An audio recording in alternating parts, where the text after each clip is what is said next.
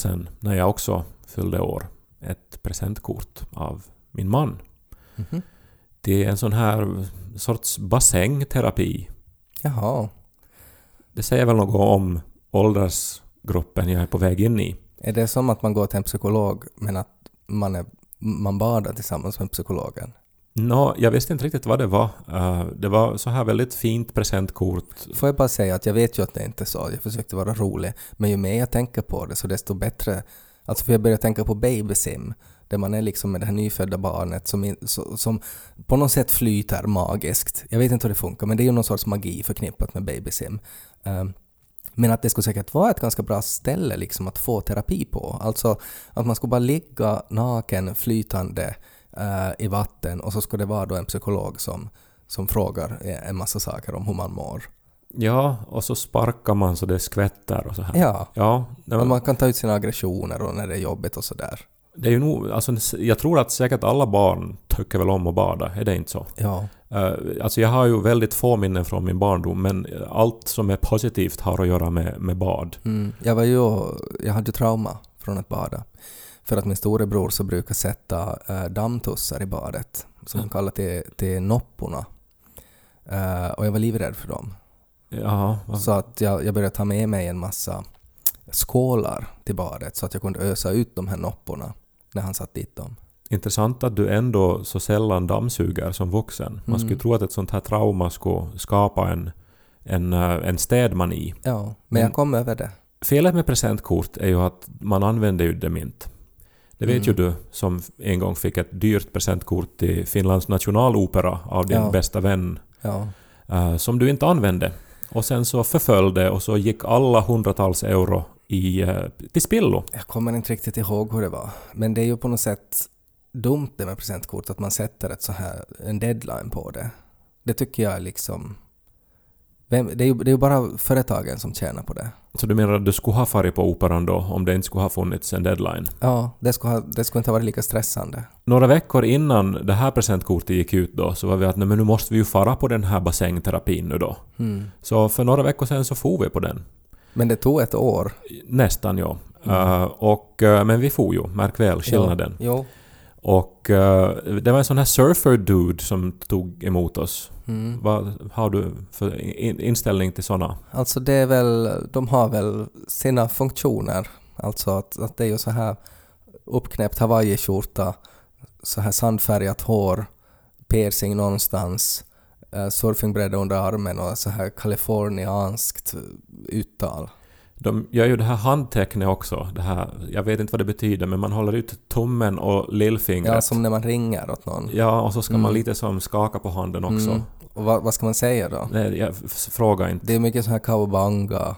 Men jag tänker så här, när du som heterosexuell man möter en sån man, är du Mm. utmanad eller provocerad eller är du neutral eller?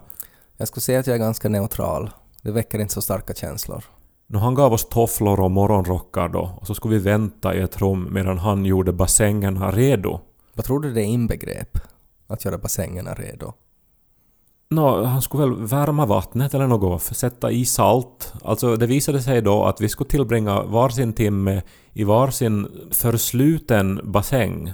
Mm. Alltså idén var nu då att man skulle ligga eh, alltså viktlös i ett tillstånd av eh, sensorisk deprivation. Ja, alltså det var som en sorts kapsel man skulle vara inuti. Ja, kapsel är ett bra ord. Mm. Säkert rätt också. Och eh, där då så eh, var det liksom 37 grader. Eh, man skulle släcka av lampan och sen då flyta då i det här mycket salta vattnet. Och surferduden visade oss då hur man skulle göra då. Och man fick såna här sköna eh, handdukar och olika såna här oljor och sånt som man skulle använda efteråt och, och, och, och allt sånt. Mm. Och sen så uh, lämnade han oss då där. Och så klädde vi av oss eh, nakna. Och så gick vi in i kapseln. Mm. Och eh, alltså nu hade vi varsin kapsel då. Ja. Eh, och, och där låg jag då i mörkret i en timme. Mm. Flöt omkring. Och man skulle alltså vara helt nakupelle där? Jag, kan återkomma till den saken. Okej. Men det var ju intressant det här. Alltså nu hände det ju grejer så här på något sätt i huvudet när man är avstängd från alla intryck. Mm. Alltså, man känner inte riktigt sin egen kropp, alltså vikten av den. Eh, man känner inte värme, inte kyla, det är som, som neutralt. Eh, man, eh, alltså, alltså det är helt mörkt. Man hör ingenting för man har öronproppar också, annars får man salt i sina öron. Mhm. Det är så här lite doft av, vet du, som någon sorts bassängavdelning ungefär. Alltså, Mm. eh, det, det är ju inte något annat än vatten och salt där där. Men, Men, att, eh, säkert är det ju någon, någon ren, alltså någon klor, alltså någon sorts rengöring. Måste ju vara mellan varven. no, jag hoppas ju det. Eller det är väl just sådana tankar man inte ska få när man flyter omkring där då? Nej, jag måste återkomma till det också. Okej. Men jag låg där då i en timme Mm. och uh, alltså mina tankar blev så här ungefär som vet du, innan man somnar. Alltså Mm. att det som de flyter iväg och, och man dras till olika märkliga resonemang och sen så liksom hoppar man till lite grann och "Hå, nej Mm. men okej nu, nu nu är jag ju här, jag håller på med det här. Och sen så får tankarna iväg åt ett annat håll och så vidare. Och så börjar jag tänka på olika scenarion till filmer. Så, så tänkte jag på boken jag, jag skulle vilja skriva. Och, och det här um, liksom att ligga på något vis vaken i en timme och vänta på att somna. Mm. Och sen så får lampan på och så var det en röst som sa “Your session has ended”. Och så skulle man eh, duscha, smeta in sig med oljor och så kom surferduden med te. Mm. Och det var då efteråt då som uh, Nico började prata med den här surferduden. Och så var Nico så här att sa då alltså ja alltså det var nog intressant att, att liksom att vara helt så här tom så här länge och bara liksom finnas still utan att tänka.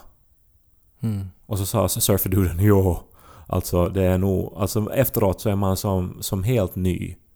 Och så är jag så här att ja, men nog tänker man ju, alltså det är ju mycket tankar så här. Det är som strax innan man somnar. Mm. Och så såg Nico och surferduden på mig som att jag var en idiot på något sätt. Mm. Att, och så sa surferduden att ja, att alla upplever ju det olika och så där är det kanske de första gångerna nog. Och så förstod jag då att tydligen är tanken att man ska vara tom i huvudet. Och att Nico då automatiskt genast hade varit så här liksom tömd i huvudet Mm. av det här tillståndet. Mm. Och att har jag någonsin varit tom i huvudet? Har det någonsin varit tyst i mitt huvud? Är det det som det handlar om? Är det det som meditation handlar om? Att det ska på riktigt vara helt tyst i huvudet? Nej, alltså någonstans har jag läst om att man ska väl bara bejaka det att det uppstår tankar. Alltså att, att när du ligger där då i vattnet och så börjar du tänka på, på någonting, så då ska du egentligen bara tänka på att oj, nu kom det en sån tanke. Nå men, den får fara vidare. Mm. Och sen kommer det en ny tanke och så tänker man oj, tänk att jag tänkte en sån tanke. Den får också fara vidare. Ja, Alltså att man bara bejakar att man tänker, men man ägnar inte mera tid åt det annat än det här bekräftandet att där kom en tanke. ja, men det där be- bekräftandet kräver ju då en nivå av medvetenhet om att man tänker tankar. Jag, jag vill Mm. mera sådär att jo, jo, där är en tanke, men jag som tänker inte på det som en tanke, utan jag bara svävar där. Men enligt vad jag förstod nu då av surferduden och min man så går det också då att ligga en timme utan att tänka någonting överhuvudtaget. Mm. Att det står still i huvudet. Ja. Alltså någon sorts hjärndöd. Nej, jag, jag har nog svårt med det där också, för att nog känns det ju som att det alltid finns någonting att tänka på. Alltså, att om, om du har det bekvämt, så då, eller om du har det till exempel obekvämt, så då kan du ju tänka på det att oj vad jag har obekvämt, eller något annat i miljön. Men om miljön är liksom helt adekvat och det inte väcker några tankar, så då finns det ju alltid några go-to-tankar som finns i huvudet som man kan börja tänka på. Alltså att man måste aktivt jobba för att inte tänka de tankarna. Ja, men alltså jag tänker också att bara det att vi ju drömmer är väl ett bevis på att när hjärnan får göra vad den vill så då tänker den saker och hittar på saker och ting. Mm. Och att det är så den funkar. Mm. Att det är på något vis någon sorts mardrömstillstånd att huvudet skulle vara helt tomt. Mm. Och plötsligt förstod jag surfer dudes. Det är som det som är skillnaden, och nu har jag ju anat det också. Att det står helt still i deras huvuden. Mm. Tills det kommer en våg. Och då tänker man Kawabunga!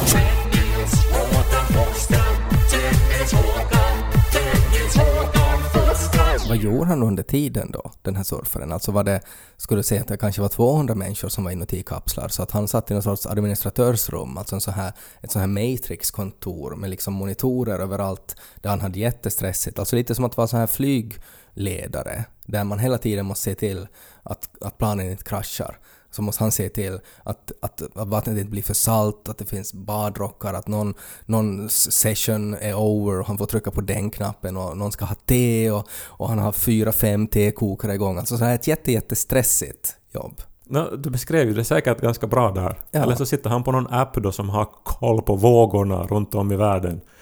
Och, Men det, men det är så många gånger när jag hör om sådana där saker och så börjar man bara liksom tänka hur många olika sorters jobb det finns.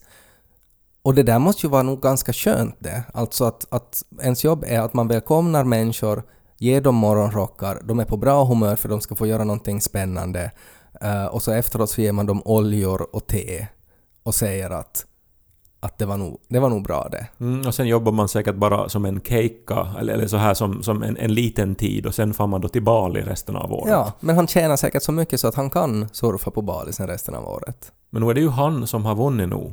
Inte det är ju vi som envisas då med att så här slita i vårt anletes svett i det mörka Mm. Norden som har vunnit. Jag tänker ju att i något skede så för mig så skulle det väl komma emot den här känslan av produktivitet, alltså att jag skulle kanske inte kunna vara helt okej med mig själv att ha ett sånt jobb. Att det, det skulle liksom kännas som att okej, men efter dagen då, men, men vad har jag åstadkommit idag? Jag gav fyra personer te och så gav jag dem handdukar före det.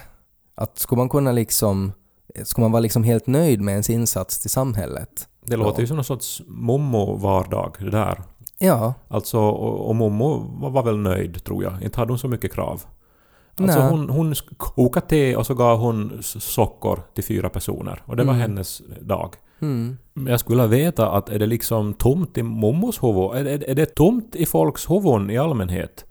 Är jag den enda? Alltså, du pratade ju för förra veckan om att fuck the choice. Mm.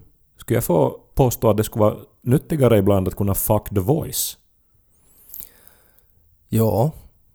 Det låter ju också som den nya gameshowen som lanseras på en massa kommersiella kanaler. Stolar som svänger sig och så är det ner med byxorna. Skulle det vara roligare, äh, det formatet, om de skulle vara först vända mot sångaren Mm. och sen då när de tröttnar på den där jävla rösten så skulle de svänga sig bort. Och då är det fuck the voice. Ja, just det. Ja, jag, jag tänkte mer bokstavligt, ja. Alltså att man har sex med vinnaren. Just det.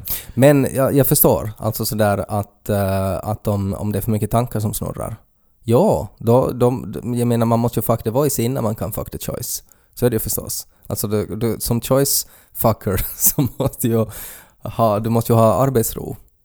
Att, att, att faktiskt veta vilket choice du ska fuck. Och då kan du ju inte ha the voice som snurrar omkring. Jag har läst den här veckan också om Boltzmann-hjärnan. Boltzmann, Boltzmann, Jaha. uppkallad efter en, efter en fysiker. Äh, vet du vad det är? Nej? Nej, det är kanske du. Jaha. Ja, det som du upplever just nu. Okej. Det är faktiskt mera sannolikt enligt då den här teorin att eh, du är en Boltzmann-hjärna. Mhm. Alltså det har att göra helt enkelt med sannolikheter med universums utveckling och eh, entropi. Det låter helt som jag. Ja, nej men alltså det är helt enkelt statistiskt mycket mer sannolikt att eh, det spontant ska uppstå en hjärna som eh, det här har exakt dina minnen och din erfarenhet och vet att det har funnits ett Big Bang och minns att det har funnits 313 avsnitt av Tenukai-podden Mm. och så här. Än att eh, universum så som vi nu har beskrivit dess uppkomst har inträffat. Ja, att det skulle bara plötsligt uppstå en sån hjärna Ja. med den infon, att det är mer sannolikt. Okej. Så att, eh, och, och det är ju bara, all, all, allt du upplever och vet är ju bara ändå tolkat av din hjärna. Mm. Och det. eh, den hjärnan har ju aldrig varit utanför din skalle. Nej, den har... Alltså sen jag föddes har den varit där, på Mm. samma ställe. Så förmodligen så är du bara, eller jag, bara en liksom hjärna som spontant har uppstått i ett termodynamiskt ekvilibrium. Men eh, kom skelettet samtidigt? Eller var vi först? Nej, du, vi bara... du, du har inget skelett. Det är bara din hjärna som tror att den har ett skelett. Jaha. Så att min hjärna flyger omkring i rymden och har på sig någon sorts VR-glasögon som är liksom mitt liv. Nej, nej, din hjärna har bara uppstått spontant och existerar under kanske en sekund med just exakt alla minnen som du har just nu. Så jag lever just nu ett gammalt minne från en rymdhjärna. När du, det, din upplevelse just nu är som... Det, det är allt som finns och snart upphör du att existera. Eller du har redan upphört att existera. Nej, jag tycker det är mer trovärdigt än de flesta religioner. Nico har berättat åt mig om hur han gör när han ska somna. Mm. För han somnar eh, i, i allmänhet ganska snabbt och så, så sover i allmänhet bra. Visst finns det undantag, det har ju att göra med stress och så vidare. Eh, men eh, han alltså har som ett sorts lager i sitt huvud. Och sen så, så är han någon sorts sån här lagerarbetare. Så då när det kommer någon tanke eller något bekymmer så då fysiskt så flyttar han de här tankarna och bekymren så som lådor till någon sorts lager tills det blir rent och fint och tomt. Och sen somnar han direkt. Att han har, eh, som i den här nya serien av Sherlock Holmes, att han har ett sånt här, vad heter det nu, ett sånt här mnemotekniskt palats. Eh, eller mem, mneno, mnenom... Jag vet inte om man säger det där ordet, men det finns ett fint ord för att ha att göra med liksom minnet och hjärnan. Men alltså han visualiserar, det är ju ett, ett väldigt användbart knep. Jo, jo, men igen så var slutresultatet alltså att det blir tomt i hjärnan. Mm. Och det, alltså jag lyssnar också på John Lennon, vet du, Tomorrow Never Knows, Turn off your mind, relax, float downstreams, it is not dying. Alltså, surrender to the void. Alltså, men har jag någonsin upplevt det? Är, är, är det dit vi ska sträva då? Är, är, det, är det där vi mår bra? Alltså i, i, i någon sorts mörker. Alltså i en, i en icke-existens. Nej. Det beror ju på vad det är för tankar. Är det negativa tankar så då vill man ju förstås att då ska man ju hellre vara i en kapsel med en surfer-dude. Men om, det kan ju också snurra liksom roliga grejer. Det ska, Nikos teknik ska inte funka för mig för att om jag försöker liksom sånt där att liksom att nu är jag truckförare och så kör jag då omkring ett lager i mitt huvud där jag liksom flyttar eh, tankar in till andra rum. Så då börjar det hända andra saker. Att då kommer det kanske Kanske jag har en sexig kollega som också kör truck där eller någonting. Och så, alltså att, att det liksom uppstår scenarion som gör att jag inte liksom kan upprätthålla den där fantasin. Jag, jag kan inte liksom upprätthålla den att den är liksom så simpel på den nivån utan att det, det börjar liksom hända grejer där. Eller att det på något sätt blir någon sorts gisslandrama eller någonting. Och så måste jag liksom välja att vem jag prioriterar när jag kör in trucken och sådär. Jag är ju legitimerad truckchaufför. Ja. Uh, Jag har ju rätt att köra upp till, minns jag inte hur många ton tunga truckar. Mm. Uh, och, uh, har Har man det liksom för evigt eller måste man upprätthålla det där truckkörkortet? Det behöver man inte googla, man bara kör. Okej. Och eh, det finns ju faktiskt många, alltså jag tänker just så här att man kan ju höja och sänka gafflarna och så här Mm. till lagom höjd. Ja. Så kan man ju sänka och höja och sänka och höja. Alltså, alltså man kan ju utnyttja truckens funktioner för väldigt eh, avancerade olika akrobatiska övningar, tänker jag. Alltså som på någon cirkus då, eller hur menar du? Nej, men nu, det, så nu, det där hände i mitt huvud när du började prata så här om Så en sexig kollega i lagret. Så började du tänka på trucken då vars pneumatik skulle på något sätt kunna användas som någon avancerad sexgunga? Jag såg bara framför mig en sån här mystisk ny praktikant i såna här uh, reflexkläder. Mm. Så här en arbetare med Ja. skäggstubb Ja, som närmar sig plötsligt mellan hyllorna ja. när jag lyfter upp lite. Just när du håller på att flytta något så här jobbigt barndomstrauma. Men det är det här jag säger. Jag, när, hur, ska man, hur ska man få det liksom tyst i huvudet? Du har helt rätt. Det är sådär. Ja. Det ena leder till det andra och det blir Mm. aldrig tyst. Fuck Nej. the voice. Nej. Eller så inte. Kanske embrace the voice.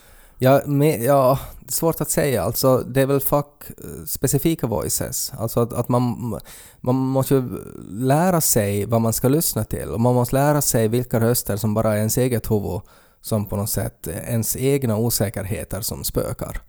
Eller att det faktiskt finns orsak till att fundera på vissa röster. För att det är så mycket med de där rösterna också så har ju med ens egna issues att göra. Har jag nu tagit rätt beslut? Hur, hur tolkades nu det där som jag sa på jobbet? Borde jag nu sätta mina pengar på en sån där? Satt jag för mycket pengar på en sån där?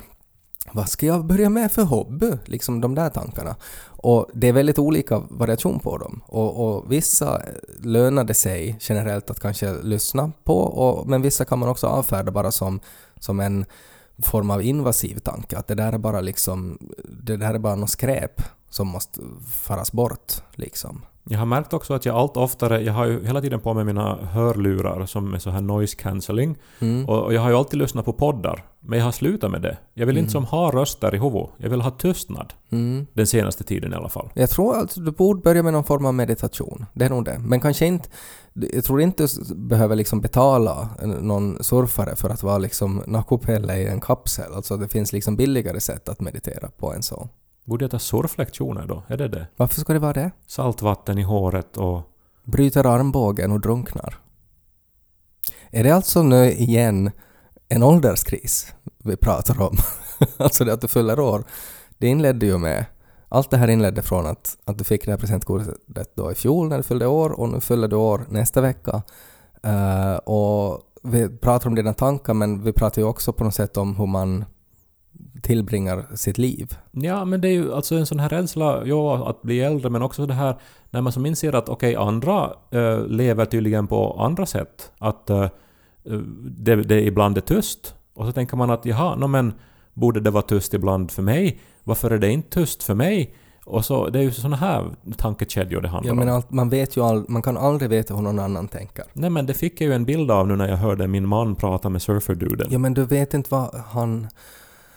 Han kanske ville imponera på honom och, och ville på något sätt få hans, eh, liksom visa att jag är nog också en surferdude och visste vad han skulle säga så att, att surferduden skulle liksom gratulera honom för att han har gjort Alltså det, det behöver ju inte vara att det är så. Också när han förklarar åt dig hur han gör när han ska sova. Så det var kanske ett så här sätt att lugna ner dig som liksom stressar och inte får sömn. Och så säger han liksom att ja, men så här gör jag och det funkar alltid bara så att du skulle låta honom sova. Det betyder ju inte att det alltid är så. Ett enkelt sätt är ju också att man, eh, man reducerar sin värld, alltså att man gör sin värld mindre. Att just nu bestämmer jag att nu är jag liksom i den här bubblan där det inbegriper en kopp te och ett rostbröd och en god bok. Och, och det finns inte liksom tankar som på något sätt befinner sig utanför den här bubblan, så den, de får inte komma hit nu. För att det är liksom en... Det här är nu liksom en köld. Att nu är det bara liksom att det som, det som tillåts tänka här nu är bara det som finns inuti den här bubblan. Och det är ju också ett eh, liksom så här knep som man kan fundera på. Alltså att man, man på något sätt artificiellt fabricerar vilken verklighet man befinner sig i. Och att allt som inte är inne i den verkligheten, så det får vänta tills man stiger ut ur den där verkligheten. Men om man inte ens klarar av det när man är liksom naken och flyter viktlöst i en kapsel eh, utan ljus och ljud, så hur ska man då klara av det i den bubblan då? Nå, för att där är det kanske en miljö som, eh, där man är trygg, där man är bekväm. Alltså det är ju en jättekonstig miljö att fara till något sånt där ställe och, och på något sätt sådär att nu, ja, ja, ja, nämen, jag hör av mig sen då när ni har öppnat Nirvana och så kommer jag med te och oljor. Alltså det, jag, jag tror att jag, jag skulle vara precis likadan, att jag skulle ha jättesvårt att slappna av i en sån miljö, för det handlar ju om att kunna slappna av också. En grej som du skulle kunna göra är ju att eftersom du är författare och, och du är väldigt så här språkligt begåvad och, och duktig på att skriva, så du skulle också kunna försöka alltså på något sätt dokumentera dina invasiva tankar. Alltså att du skulle öppna ett dokument och så skulle du skriva ner allt vad som snurrar omkring i ditt huvud nu. Och så, Du menar liksom skriva en roman eller någonting? Ja, nog skulle jag kunna göra det. Eller att starta en podd eller någonting. Hmm, vad intressant idé. nej, utan att om, om man är sådär att före man går och sova och att man vet att en massa grejer snurrar i huvudet och att man inte kan vara tom i huvudet. Så att om du skulle bara skriva upp, liksom skriva rubrikerna på de saker som snurrar i huvudet och så när du ser en sån uppställning så kan det hända att det skulle kunna vara lätt för dig att kategorisera att okej, men de här kan vi slopa, de där är inte irrelevant just nu. Men du beskriver ju mitt liv nu. Det där, så där ser varje dag i mitt liv ut. Vad klagar du på då? Att jag undrar om jag gör fel!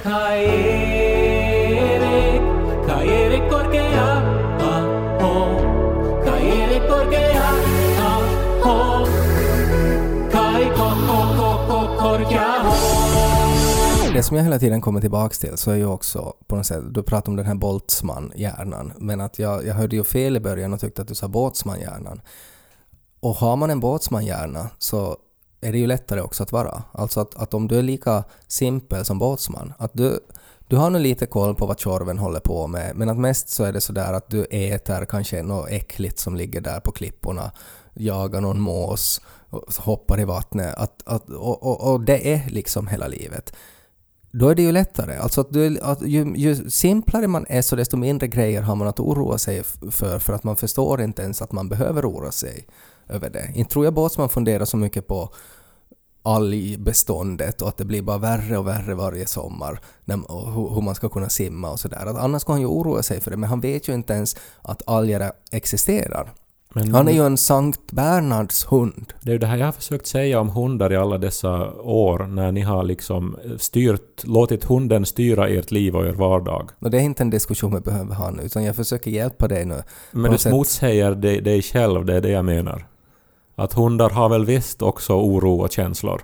Ja, men båtsman på något sätt är, är vi på Saltkråkan så han uppfyller tycker En jag... synnerligen dum hund alltså på något sätt. Eller som Nä. enkelspårig. Nej, men en sån här hund utan mycket oro. Alltså i alla scener. Alltså det är ju inte många scener där man på något sätt ser en, en, en, en blick av hans sinnestillstånd. Men att han framstår inte som en orolig hund. Han framstår som en hund som gör, han, han är nu på inspelning och gör sitt jobb, men att det är inte liksom så mycket han funderar på. Mm, en båtsmanhjärna. Ja. nej, jag Och du har ju, alltså det jag är ute efter är att du har ju inte en båtsmanhjärna.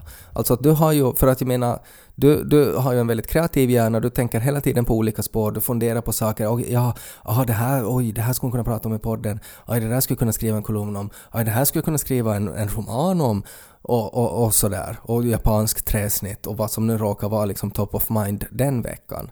Eh, och, och då handlar det ju om att du har en väldigt aktiv hjärna som får väldigt mycket intryck och som hittar synergier och, och binder ihop kontakter och för åt alla olika håll. Och då borde du kanske jobba på att bli mer båtsman. Alltså att, bli, att liksom fokusera dina tankar lite mera. Bli båtsman. Ja. Det uppstår ju rörelse efter rörelse i den här podden här. Ja. Fuck the choice, bli båtsman. Det, det här är olika rörelser. Det handlar ju om vad man ha- har för behov. Men att, att jag är ju inne på ett, ett så här wellness-spår just nu i mitt liv. Och, och jag menar, då uppstår det ju lätt rörelser. Men att man skapar de här begränsningarna åt sig själv. Liksom båtman, båtsmans värld var ju vi på Saltkråkan. Det var, det var inte liksom större än så. Det var liksom hans liv. Och det var hanterbart för honom. Och han förstod också att han inte funderar något längre än så. Mm. Nå hellre bli båtsman än bassängterapi. Vi kommer aldrig att göra om det. Varför inte? För att sen så när Niko skrev på sociala medier att han hade varit där så började hans vänner höra av sig. Jaha? Att de också ville få på det? Nej, om hur många de känner som brukar få dit och onanera. Alltså i, kapslarna? Mm. Alltså att man betalar mycket pengar, får en badrock, far in i den där kapseln och så runkar man i vattnet. Tydligen. Är det skönare det då? Med öronproppar och saltvatten? Jag vet inte.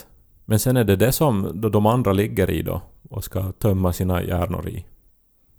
Nej, det, det är ju inte alls avslappnande det. Var det faktiskt alltså hur många de känner? Är det som en grej det där? Att nu får vi till den här firman och runkar i de här kapslarna. Vad ska vi göra på torsdag? Vi Sen- betalar! Sen dricker man te. Ja. Det är jättekonstigt. Men för, eh, det var ju som också en av de tankarna som gick genom mitt huvud när man låg där.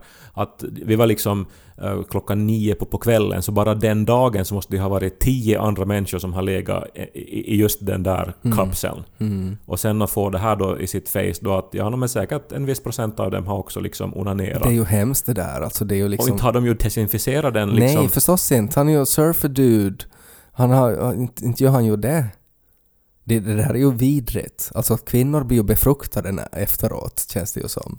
Om det är så här perfekt kroppstemperatur för spermierna heller, så det är ju som en stor testikel det där som man kryper in i. Hemskt är ju det där. Det är ju så här, så här tankarna går. Men säkert till en surfer-dude så går det där också liksom tömma bort. Du borde ha sagt det när du kom dit då efter Nikos kommentar att ja, jag började bara fundera att det är som att jag skulle vara inne i en enorm testikel och jag är som en megaspermie här och tänk vad många som har runkat i det här vattnet. Och sen dricker man te. Men då vet vi det att vi, kan, vi ska inte rekommendera det där då. Vi rekommenderar andra wellnessupplevelser. Sannolikt hade nog onanerats där också, vad du än far på. Dedokai, dedokai, dedokai. Dedokai.